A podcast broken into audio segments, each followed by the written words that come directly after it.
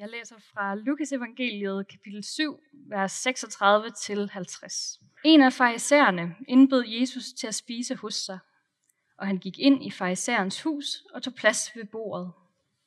Nu var der en kvinde, som levede i synd i den by. Da hun fik at vide, at han sad til bords i farisæerens hus, gik hun derhen med en alabastkrukke fuld af olie.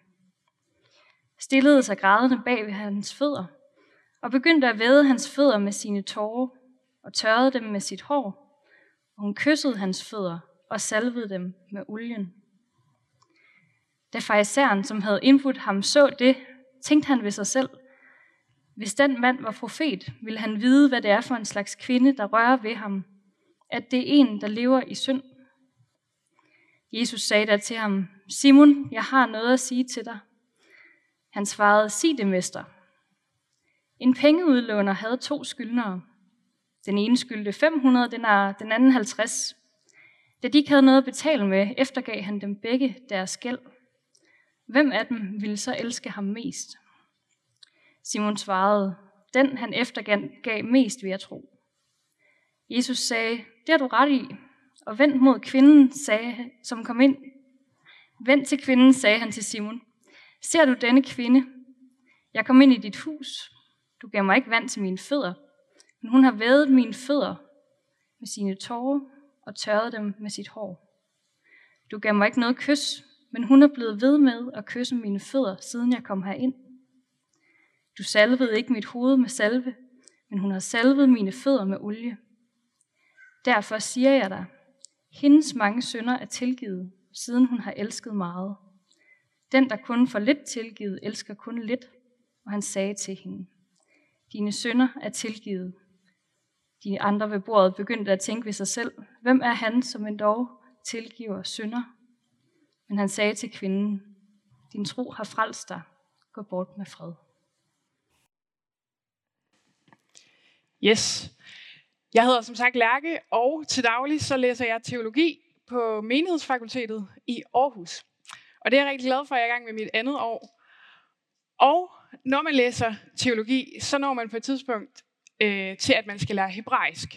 Fordi hebraisk er det sprog, som det gamle testamente oprindeligt er skrevet på. Som om det ikke er svært nok at læse det gamle testamente på dansk, tænker jeg bare. Men fint nok, vi skal lære hebraisk, og det er der nogen, der elsker. Sådan nogen som Kasper for eksempel, der holdt bibeltimerne. Han elsker bare hebraisk. Og sådan nogle typer er der også i min klasse. Ja. Jeg har en god hebraisk lærer, han hedder Karsten, og han er, øh, han er rigtig god til at lære hebraisk, og han er også mega sød. Men bare fordi man har en god lærer, betyder det jo ikke nødvendigvis, at man synes, at hebraisk er super fedt. Og det synes jeg måske heller ikke. Der er så her for halvanden måned siden, så kommer jeg ind i sådan lidt en hebraisk midtvejskrise, vil jeg kalde det. Måske er det i virkeligheden bare en krise, fordi jeg er nok egentlig ikke helt ude af den endnu. Det, der så sker, det er, at jeg skal øh, sammen med min læsemakker op på biblioteket og sjovt nok lave hebraiske opgaver. Og vi går så op ad trappen, og jeg går ligesom foran min læsemakker, han hedder Jonathan. Og Jonathan går bag ved mig op ad trappen. Og jeg har bare lige brug for at fortælle Jonathan, hvor nederen jeg synes hebraisk er for tiden. Så jeg siger sådan, som jeg går der for, sådan lidt ud i luften. Jonathan, jeg synes bare, det er virkelig træls og hebraisk for tiden. Jeg hader det virkelig, og det er så kedeligt. Og det siger det sådan rimelig højt. Og så reagerer Jonathan ikke. Så det undrer mig lidt over. Og så vender jeg mig så om. Og så går det op for mig, at vi ikke er alene på den trappe. Der er mig og Jonathan. Og så er der Karsten. Min hebraisk lærer, Karsten. Og jeg tænker bare, oh shit. Og jeg kan se på Jonathan, han tænker præcis det samme. ja. Så siger Karsten på sin søde, ironiske måde, jeg hører ikke noget. og der ved jeg bare, at han har hørt, hørt det hele. Ja, det, øh, jeg kunne ikke se Karsten i øjnene bagefter. Nej, det kan jeg godt nu. Og vi kan gå igen. Men det var en flov historie. Og det var en flov situation for mig. Men jeg kunne grine af den bagefter. Og det er det, der er med flovhed. Flovhed, det kan man grine af bagefter. Men der er en følelse, der ligner flovhed, som man ikke kan grine af bagefter. Og det er skam. Og i aften, der kommer det til at handle om skam. Og det kommer til at handle om, hvad det møde med Jesus, som kvinden har i den tekst, vi læste før, har af betydning for hendes skam. Og hvad det har af betydning for vores skam.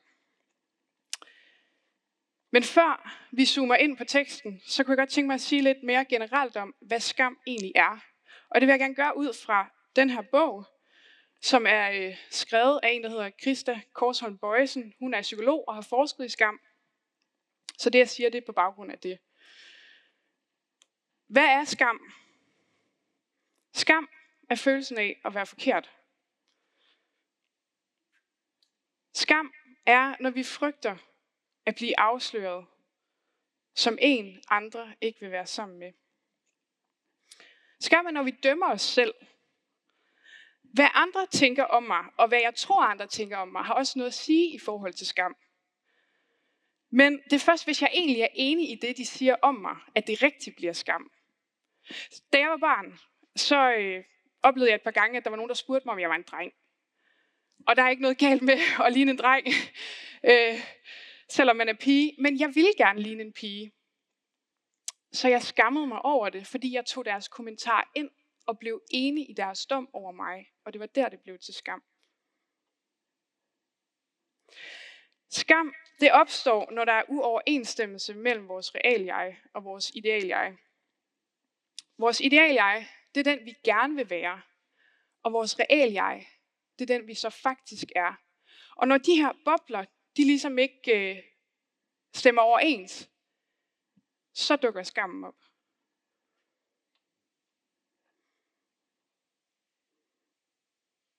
Det var lige lidt for hurtigt.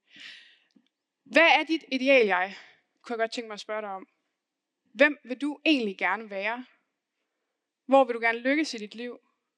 Vil du gerne være sjov, overskudsagtig, tynd, veltrænet, attraktiv, intelligent, feminin, maskulin, en, som har mange venner, en, der får gode karakterer, en, der har styr på sit liv, en god kristen. Vi er som svampe, der suger til os om alt det, vi føler, vi burde være. Skam er ikke det samme som skyld, selvom at skam ofte bliver skyldens følgesvend, hvis vi ikke sådan virkelig erfarer tilgivelsens frihed fra synden. Så kommer skammen ligesom sammen med skylden. Men vi vil lige prøve at skille det lidt ad. Så hvor skyld, det handler om at have gjort noget forkert, så handler skam om at være forkert. Følelsen af at være forkert. Skyld, det kan tilgives. Det kan handles på over for den, som jeg har gjort mig skyldig over for. Jeg spørger, hvad har jeg gjort forkert, og hvordan kan det genoprettes? Og så kan det tilgives væk. Men skam er på en måde værre, fordi skam gør os handlingslammede. Og inden vi når til skam, så prøver vi at redde os ud af det her hul af handlingslammelse og håbløshed, som vi havner i. Og vi går i forsvarsposition. Og et af de mest brugte forsvarsmekanismer i vores samfund, det er perfektion. Vi ser det overalt i vores præstationssamfund. Samfundet fortæller os, at vi hele tiden skal præstere bedre. Et firtal er ikke godt nok. Et syvtal er ikke godt nok. Måske engang et tital. Og det gælder ikke kun vores karakter i skolen. Det gælder hele paletten rundt. Og det har konsekvenser for vores generation. Det mentale helbred blandt os unge, det, det har aldrig været værre. Vi får stress, vi får angst, vi får depression, vi bliver ensomme. Men det kan også være mildere end det. Vi brænder bare rundt og har det måske ikke helt vildt godt. Og vi kæmper for at være perfekte, sådan så alle kan lide os. Men vi når aldrig i mål, og så rammer skammen. Vi kan ikke præstere skammen væk. Skam, det må elskes væk. Men kan det faktisk lade sig gøre? Kan skammen faktisk blive elsket væk? Kan vi blive fri af den? Hvis vi skal blive fri af skammen, så siger Krista, hende her psykologen, at det sker i en kombination af åbenhed og kærlige øjne. Hun har det her citat i sin bog. Skams værste fjende er åbenhed og sårbarhed i kombination med kærlige og nådige øjne. Skams værste fjende er åbenhed og sårbarhed i kombination med kærlige og nådige øjne. Vi vil nu øh, zoome ind på øh, teksten, som vi læste før, om kvinde i fejserens hus. Og vi vil se på, hvad det er, der sker med kvindens skyld, og ikke mindst hendes skam i mødet med Jesus. Men det er altså godt lige at starte ud med et par HV-spørgsmål, når man går til en bibeltekst, og det, derfor vil vi også lige hurtigt gøre, for at få det her overblik. Så øh, hvis man ikke lige fangede det hele, da det blev så højt før, så finder jeres bibel frem, og lige følg godt med nu. Hvem er med i teksten? Vi har en fariser, som hedder Simon. Farisæerne, det var et jødisk religiøst parti på Jesu tid, og de gik meget op i at holde Moseloven, og så ville de også gerne gøre sådan, så alle andre kunne holde den. Og så har vi en kvinde, som er beskrevet som en, der levede i synd. Hvad hendes synd præcis var, øh, fortæller teksten sådan set ikke. Formentlig var hun prostitueret, men vi ved det ikke. I hvert fald, så var hendes synd offentligt kendt, og Simon foragter hende for, hende, for det. Og så har vi Jesus, tekstens egentlige hovedperson. Og derudover så er der nogle bipersoner, øh, nogle gæster, som er til middagen. Og middagen, det leder os hen til, hvad foregår der egentlig? Vi er til middag hos fejseren øh, Simon. Ja, med det på plads, så vil vi dykke ned i teksten nu. Fejseren Simon har inviteret Jesus til middag. Og man kunne tænke, det var da egentlig meget sødt af ham. Men historien fortæller, at han var faktisk slet ikke så venligt indstillet over for Jesus. For hvis man skulle byde en gæst velkommen dengang, så var det obligatorisk med et velkomstkys og med fodvaskning. Alt andet, det var en kæmpe fornærmelse. Men Simon, han har ikke gjort nogen af delene. Og det er som hvis man har inviteret en gruppe venner, og så er der bare en, man ikke siger hej til. En, man ikke hilser på. Kender I det? Når man står der i en gruppe af mennesker, og der er to, der snakker til hinanden, og de ser hinanden i øjnene, men de kigger aldrig på dig. Det virker mærkeligt, at Simon overhovedet har inviteret Jesus, når han fornærmer ham så groft. Og teksten fortæller ikke, egentlig ikke, hvorfor at Simon inviterede Jesus. Måske var det for at teste, hvem Jesus var, om han var profet. Pludselig så kommer der en kvinde, som levede i synd. Og det kan virke lidt mærkeligt, at hun bare sådan går ind til middagen. Men dengang var det faktisk normalt, fordi at en, en middagsselskab var sådan en offentlig ting, hvor at man bare kunne gå ind, og så foregik det tit ude i gårdhaven, og så, var det sådan, så kunne man følge med i samtalen, selvom man egentlig ikke var sådan en af de nære gæster. Men alligevel er det ikke normalt, at sådan en som hende kommer ind. En udskammet prostitueret. Men hun hører, at Jesus er der, så hun må derhen. Og det giver os en indikation af, at hun må have kendt til Jesus i forvejen. Nu bliver det mærkeligt igen. Fordi hvad er det, hun gør? Hun vasker Jesu fødder. Med vand og sæbe? Nej. Med sin tårer. Og hun tørrer dem med sit hår. Men hun stopper ikke der. Hun kysser hans fødder og smører dem ind i olie bagefter. Det er virkelig grænseoverskridende, det hun gør. Normalt var det kun en slaves job at vaske fødderne, men hun går derned på det allerlaveste sted og vasker det med sin tårer. Hvorfor gør hun det? Hvorfor går hun så langt for Jesus? Det er en kærlighedshandling. Det er hendes reaktion på, at hun har fået sine sønder tilgivet. Der var det her, som blev fremhævet op, da teksten blev læst højt med, du har fået dine synder tilgivet, dine synder er tilgivet. Det er det, Jesus siger til sidst. Og det gør han sådan, som en offentlig bekræftelse over for den her menneskemængde, der er til det her, øh, den her middag. Men det er tydeligt, at kvinden her har mødt Jesus og har fået tilsagt det her tidligere, fordi hendes kærlighedshandling er en reaktion på det her møde med Jesus. Det er et vidnesbyrd om, at hun er blevet mødt af Jesu blik. Hun gør alt det, som Simon burde have gjort. Og mere til. Men Simon han fatter det faktisk ikke. Han står bare der sammen med resten af flokken og fordømmer hende. Jesus, han kender Simons tanker. Han ser ham tænke, godt jeg ikke er som hende der. Jesus, han kunne have skældt Simon ud. Det havde han egentlig været i sin gode ret til at gøre, siden at Simon havde fornærmet Jesus så groft. Men selv overfor Simon er Jesus mild. Og han farer ikke op, men reagerer i stedet for ved at fortælle en lignelse. En pengeudlåner havde to skyldnere. Den ene skyldte 500 denar, den anden 50. Da de ikke havde noget at betale tilbage med, eftergav han dem begge deres gæld. Hvem af dem vil så elske ham mest? Simon svarede, den han eftergav mest ved at tro. Jesus sagde, det har du ret i. 50 scenar, det svarede til sådan to små øh, måneders løn, øh, og 500 denar svarede til små to års løn. Så der er rimelig stor forskel. Simon han tænker nok i et eller andet stil med, pengeudlåneren det må være Gud, og den der skylder 500 denar, det er sådan en som kvinde, og den der skylder 50 denar, det er sådan en som mig. For Simon handler det om, at kvinden på et ydre plan er en større synder i byen, end han er. Men det Jesus gør med lignelsen, og prøver at få Simon til at indse, det er, at han vender det hele på hovedet. Han gør op med hele den her sammenligningstænkning og viser, hvor totalt irrelevant det er.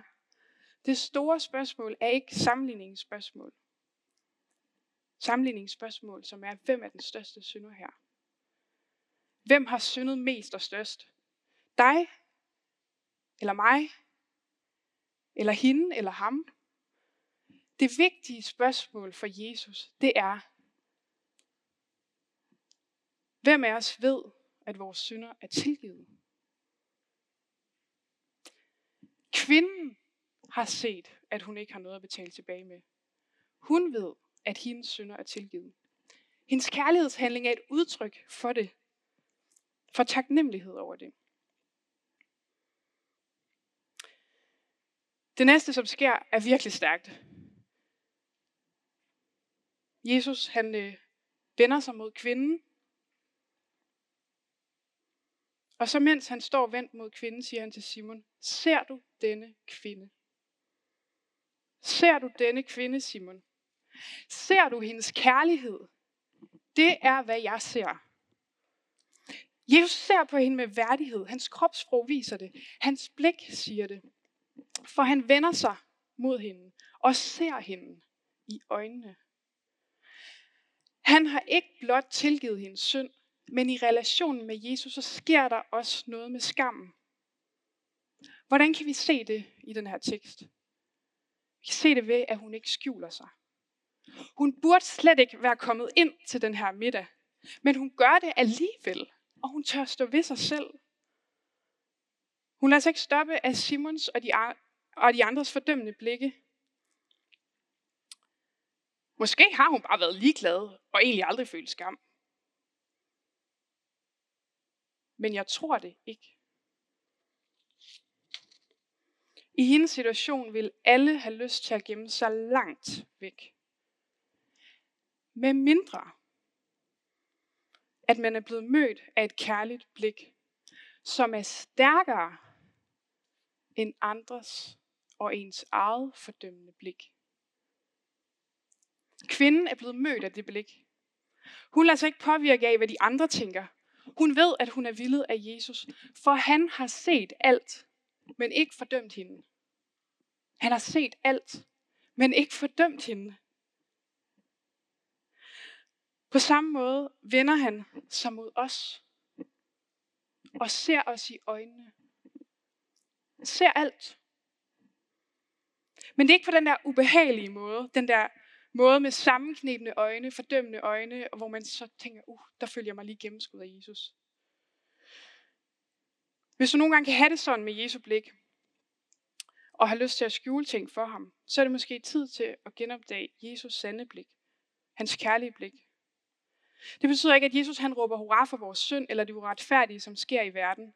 Og det betyder heller ikke, at han ikke ønsker at forvandle os til et liv i efterfølgelse af ham, hvor synden i vores liv bliver mindre, og kærligheden bliver større. Men det betyder alligevel, at midt i vores største hul af skyld og af skam, så ønsker Jesus at trække os op af det hul. Og se os i øjnene med et blik, som er gået i døden for os, og som er opstået for os. Og det er et blik, som kan gemme vores skam. Som kan gøre os i stand til at møde andres og egne fordømmende blikke, uden at tage skade. Fordi det blik er både sandere og stærkere end vores eget blik og verdens blik på os selv.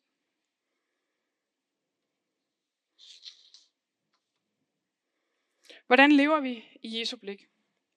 Hvordan lader vi Jesu blik tale stærkere end vores eget og egnes fordøm, vores, vores eget og andres fordømmende blikke? Det er svært. Det er møgsvært. Fordi når hverdagen rammer, så har vi så travlt med alt andet, end at kigge op og lade ham fange vores opmærksomhed. Vi løber rundt, og vi kigger til højre og til venstre, og vi kigger ned i jorden, og vi kigger op og indad. Men vi står sjældent så stille, at vi kan lade hans, lade hans blik fange os. Han står ellers lige der foran os og prøver ihærdigt at fange vores blik og se os i øjnene. Vi har så travlt. Og vi har så travlt med at skamme os over den status og anerkendelse, vi ikke har, eller kæmpe for at opretholde den, hvis vi har den. Og vi har så travlt med at dømme andre. Ligesom Simon, det er hans synd. Det dømmende blik. Det stolte hjerte.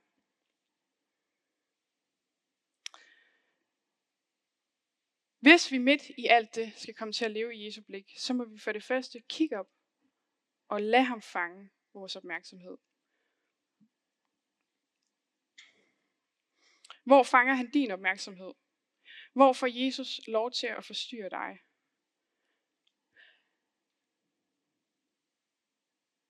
Hans blik møder os i Bibelen, som i den her tekst, eller som i historien om Zacchaeus, som vi hørte om forleden.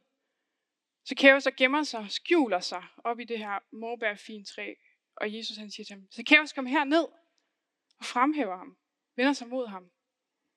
Du behøver ikke skamme dig. Vi bliver også mødt af hans blik i lovsangene, i kirken, gennem andre mennesker og meget mere.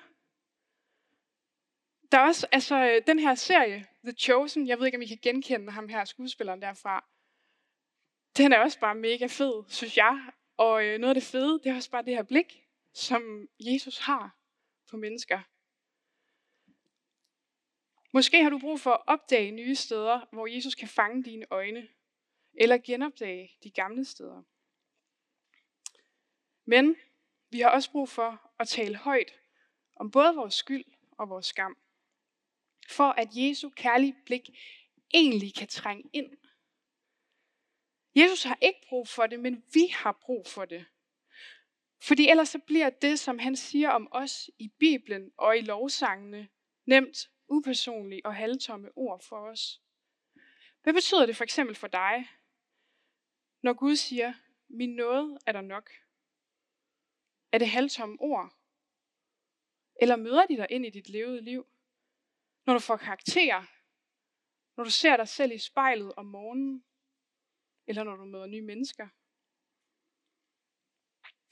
Hvis vi taler højt om skammen, så kan Jesu kærlighed få lov til at trænge ind i vores konkrete levede liv, så bliver det ikke adskilt, hans kærlighed og vores liv. Bønden er givet os som en gave til at åbne op for Jesus og tale helt ærligt med ham om vores skam. Og det må vi gøre brug af. Men vi kan også bruge hinanden og låne Jesu kærlige blik i en ven, eller en andet menneske, vi har tillid til. Det er udfordrende at tage skridtet og fortælle et andet menneske om det, vi allerhelst vil skjule. Og det er heller ikke alle og enhver, vi skal gøre det til. Men det er godt at gøre en gang imellem over for nogen, vi har tillid til. For gennem dem kan vi blive mødt af Jesu kærlige blik. Der bliver hans kærlighed stor for os. Ligesom den blev stor for kvinden. Og der mister skammen sin magt. Skams værste fjende er åbenhed og sårbarhed. Åbenhed og sårbarhed i kombination med de kærlige og nådige øjne. Det gør noget ved os at åbne op og blive set i øjnene. Har du en med, medvandrer eller en ven, en eller anden, som du kan dele med? Hvis Jesu kærlighed er ny for dig, eller hvis hans kærlighed er blevet gammel for dig, måske har den mistet lidt sin betydning i dit liv, så er det måske tid til at åbne op for Jesus i bøn og i samtale med andre. Og tale med ham om din skam og om din synd. Og så lover han, at den, der kommer til mig, vil jeg aldrig vise bort.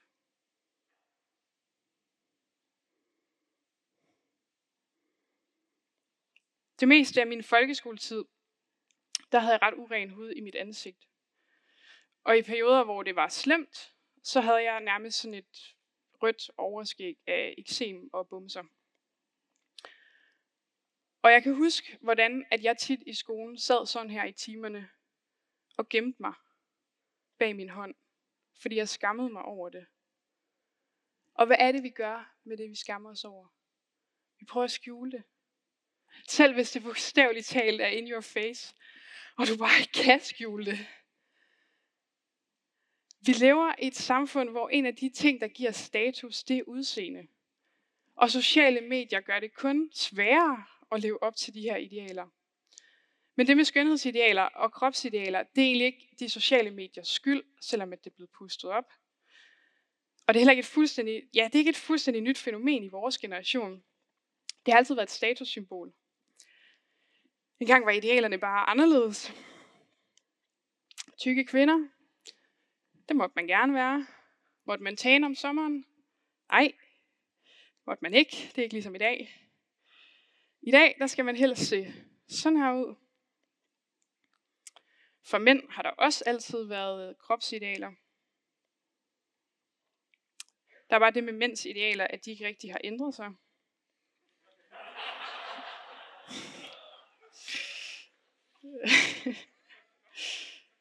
Okay, der var også sådan en som ham her. Vores kære kong Christian den 4. Ja.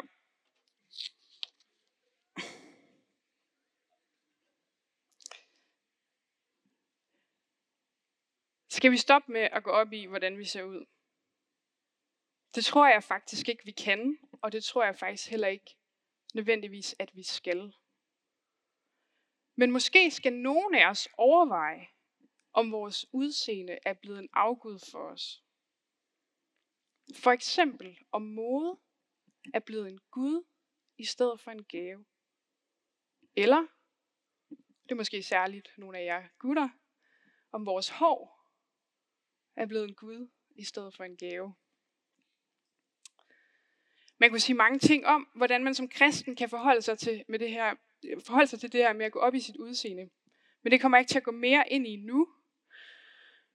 Men det, som det udfordrer os alle sammen til, det er at spørge os selv, handler jeg anderledes over for mennesker, som jeg synes er flottere, sjovere, klogere, mere attraktive? Det gør jeg nok i virkeligheden selv ret tit. Har Simons fordømmende blik på mennesker og handler derefter. Måske er det ubevidst. Det tror jeg tit, det er. Men det sker i vores samfund.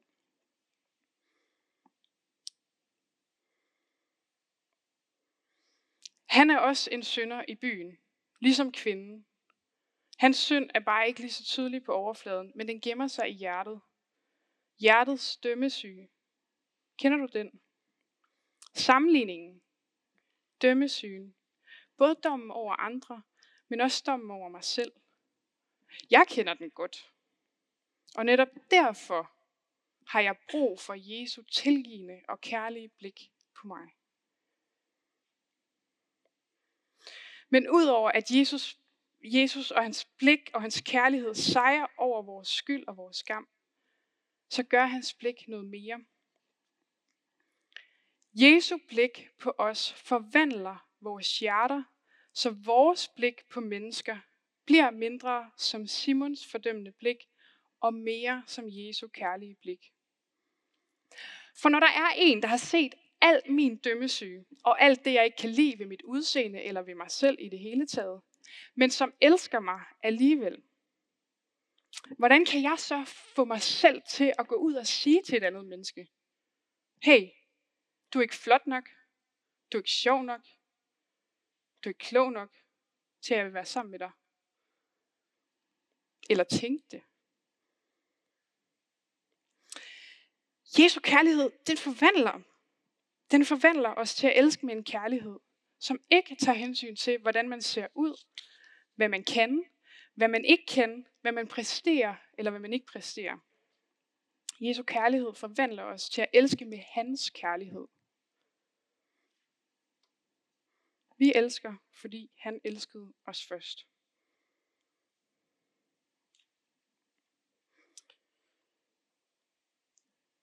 Hvad var det, jeg havde brug for, der da jeg var fyldt af skam over mit udseende? Over min urene hud? Jeg havde brug for, at der var et menneske, som kom og så på mig med Jesu kærlige blik. At der var en, som vendte sig mod mig, tog min hånd væk fra mit ansigt og så på mig med øjne, som sagde, jeg elsker dig. På samme måde, som Jesus så på kvinden. Lad os være de mennesker, mennesker, som ser på andre med Jesu blik. Det er sådan, det er, der hvor Gud er konge. Det var det, som Kasper var inde på til bibeltime i morges. De gode nyheder om Guds kongeherredømme. I Guds kongerige, der mister skammen sin magt. Når Gud er konge, når Jesus er konge, så bliver vores fællesskaber forvandlet til fællesskaber, hvor vi ser hinanden i øjnene med Jesu blik. Lad os være de mennesker. Mennesker, som ser på andre med Jesu blik. Her til sidst vil jeg gerne anbefale to ting. Det første er den her bog, Glem dig selv, af Timothy Keller. Den kan købes i bogcaféen, og hvis der ikke er flere, så kan den også blive eftersendt. Og den øh, taler virkelig godt ind i det her emne om skam og selvbedømmelse. Og den anden ting, jeg vil anbefale, det er at tale med nogen. Hvis du kan mærke, at der enten er skam eller skyld i dit liv, som du har brug for at åbne op for. Øh, og du kan tale med en medvandrer eller en ven, men du kan også gå til samtale, nu her på DT. Fordi samtalemuligheden på DT, det er i virkeligheden et rum for skammens værste fjende. Det er et rum for åbenhed og sårbarhed i kombination med kærlige og nådige øjne.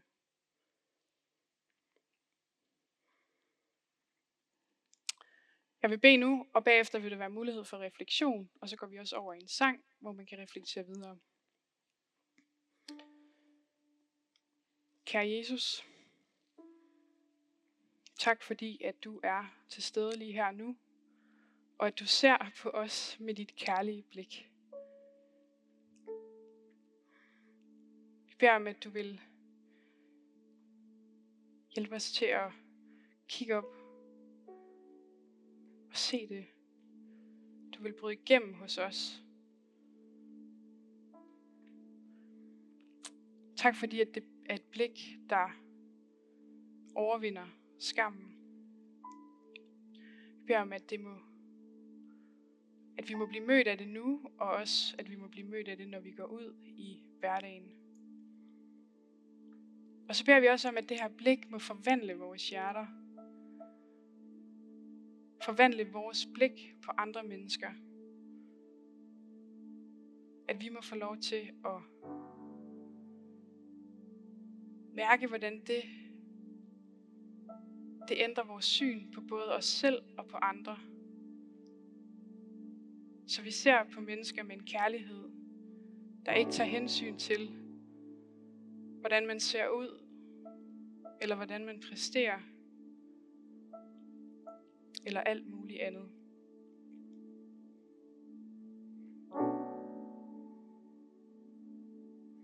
Det beder vi om i Jesu navn. Amen.